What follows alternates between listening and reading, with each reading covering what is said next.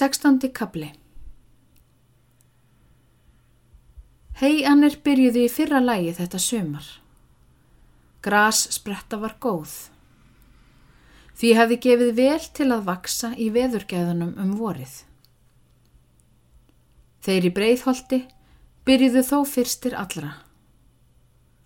Germundur fyldi fast verkinu. Tók kaupakonu tvær fyrstu vikurnar og hugsaði sér að vera þá heldur í kaupavinnu síðari hluta sláttar. Ef heibyrðir sínar væru álitlegar. Hann hætti eigin engiverkum þrem vikum fyrir göngur og var svo eina viku hjá Sigfúsi. Að henni liðinni reðst hann til sér að Jósteins, það sem eftir var sláttarins. Þar á grund hafði einn vinnumadurinn fengið fótarmein og þurfti því að fá mann í skarðið. Það var einn dag að germyndur skildi sláð þar söður á grundunum og þeir sveimbjörn báðir. En sýstur, Marja og Þurriður og tvær vinnukonur rökuðu. Annað fólk batt heim hei og kom því fyrir. Þeir félagar fóru snemma á fætur til að nota morgunreikjuna og slóu fram að miðdegis matartíma. Þá lá nokkur ljárblettur órakaður. Mjaltakonurnar hafðu komið senkt til verks um morgunin. Solskin hafði verið um daginn og harðslægt á grundunum úr því hátiði leið. Eftir máltíð sopnaði flest fólkið og sváfi þeir félaga nokkuð lengur en þeir ætluðu til. Germundur vaknaði við hlátur stúlnana. Þá var ljáinn nálega rökuð. Þær höfðu farið hljóðlega á fætur stúlkunnar og kefst við að raka ljána. Nú var þeim hlátur gjant þegar takmarkinu var nokkurn veginn náð. Germundur reyð skjótlega á fætur og vakti Sveinbjörn. Hafði í snatri ljáa skipti í orfinu sínu og tók til sláttar. Veður hafði þyknað meðan þeir sváfu og leik á norðan andvara. Því vöktuði okkur ekki fyrr, staði Sveinbjörn meðan hann brindi. Þið báðu þess ekki og sváfuð svo rótt og verst að við vildum ekki raska ró ykkar, saði þurriður og bandaði höfðinu brosandi til hans. Það sá á að fólkið hafði kvílst og rest við miðdeisverðin og svefnin. Nú var sleið og rakað af kappi og fullum ákafa. Engin lá á liði sínu og dró heldur saman fyrst. Fólkið hafði búið sig sem letast til verksins og þó streymdi svitinn svo fötinn urðu vót. Sveimbjörn sló kvast og ákaft fyrstu kviðuna og var skák hans engu minni en germundar.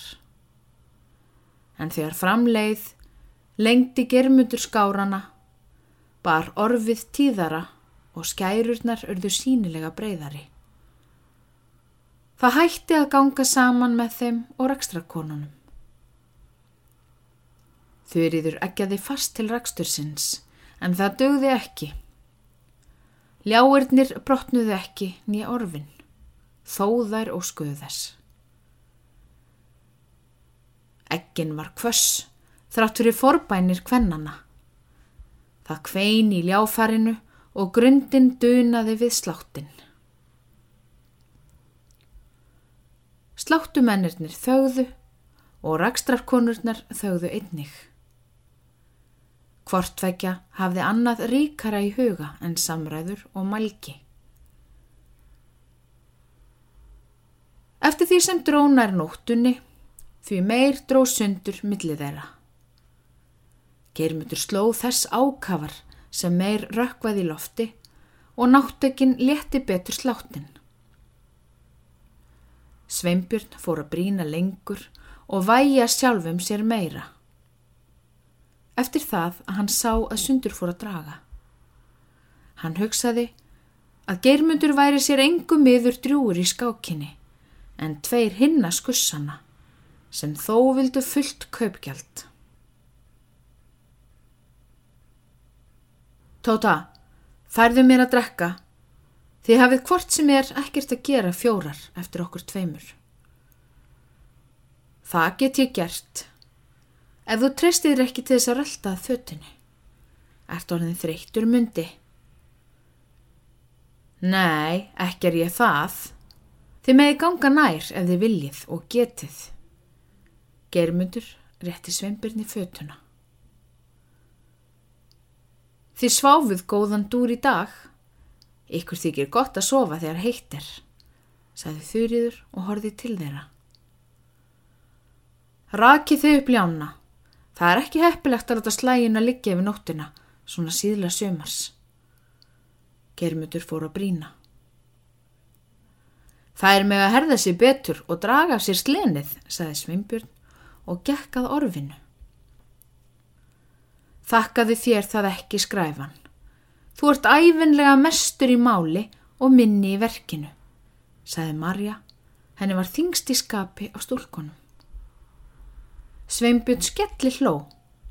Nú var hann fullvissum að Marja væri reið yfir því að náðum ekki.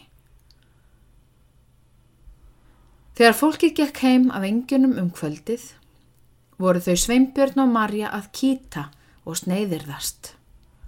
Þurriður var öftust, germutur hægði í gönguna. Ert ekki þreytt þurriður? Þú gegst hart að þér með að ná okkur. Ó nei, ekki mjög. Þið geru það sem þið gáttu til að flæmast undan. Þið hugsuðu okkur þegjandi þörfina þó það geti ekki lánast. Þórun saði við næðum ykkur aldrei. Hún þekkti svo sláttinn þinn. Og svo vildum við þá reyna. Hefður það ekki rifið opin augun svona fljótt þá þið gáttuð ekki annað en flissað og svo misefnaðist allt saman. Þetta er annars ekki efni til neittnar þykju, sínist mér. Það sínist mér heldur ekki og þó var mér fullkomin alvara að raka á hælana á ykkur. Það var þögn. Þau gengu bæði samhliða. Germundi verðist þurriður draga þungt andan, líkast sem hún tetraði. Svo spurði hann þýtt og hlýlega. Ertu lasin?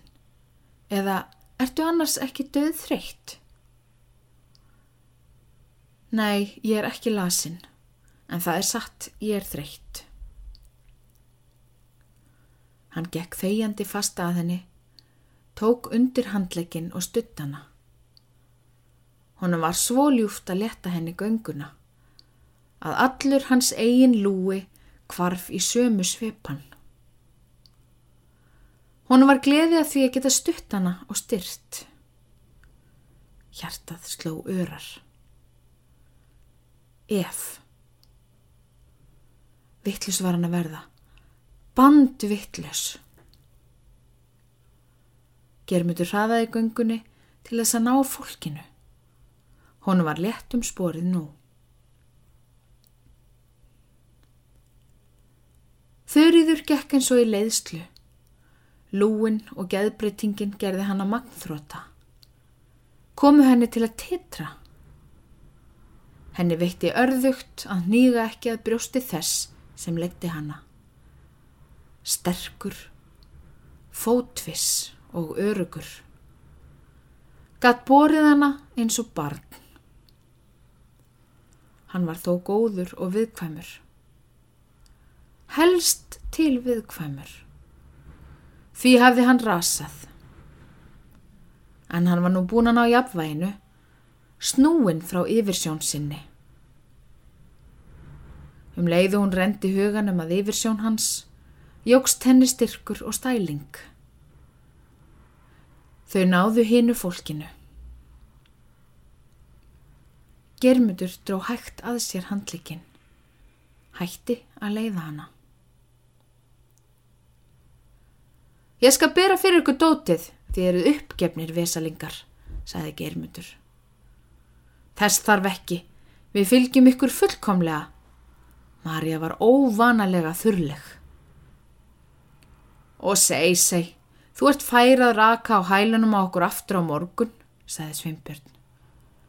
Ég ansa þér ekki, Björn úr mörg, og heyr ekki raupirðin sem þú aldrei þreytist á að skvaldra með. Sveinbjörn hló og svaraði engu. Germundur fór að tala við Þórunni. Segja henni frá því að móðir þeirra væri frisk og kynni sæmilega við sig á heiði. Að allar líkur væri til þess að Sigurður myndi reynast gildur og nýtur bondi. En meðan hann rætti þetta, sá hann um að aftra heldur göngunni.